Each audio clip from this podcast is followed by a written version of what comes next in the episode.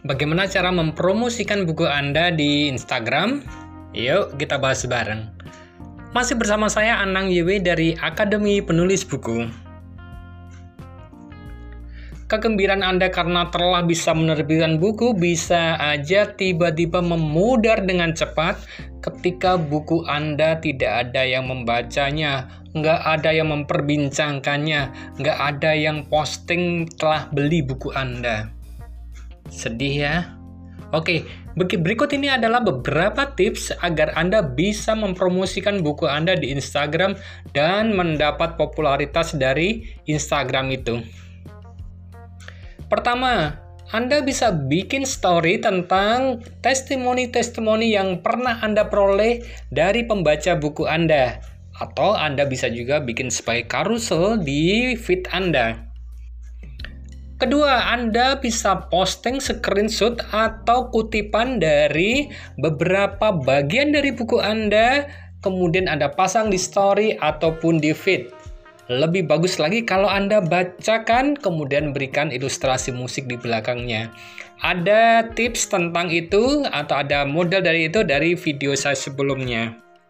Jika buku Anda belum meluncur, Anda bisa posting beberapa desain cover yang akan Anda pakai, kemudian mintakan pendapat dari para pembaca Anda atau follower Anda untuk membantu memilihkannya.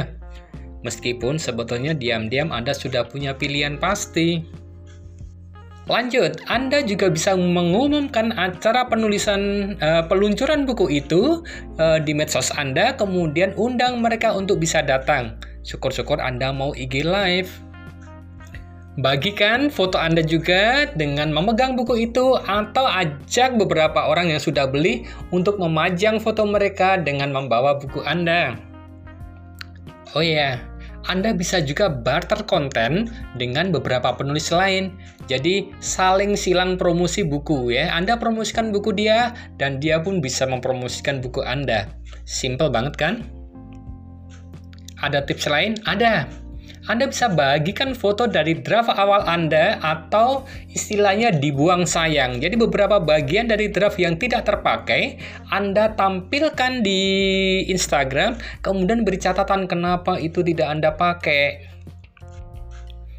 Hmm, dan yang terakhir, saya sarankan Anda bikin juga kisah-kisah behind the scene, betapa ribetnya, betapa repotnya, betapa pusingnya, atau betapa happy-nya ketika Anda sedang proses menulis itu. Ketika Anda stuck, ketika Anda mengalami writer's block, atau ketika Anda benar-benar sedang flow dan nggak bisa berhenti untuk nulis itu sampai subuh.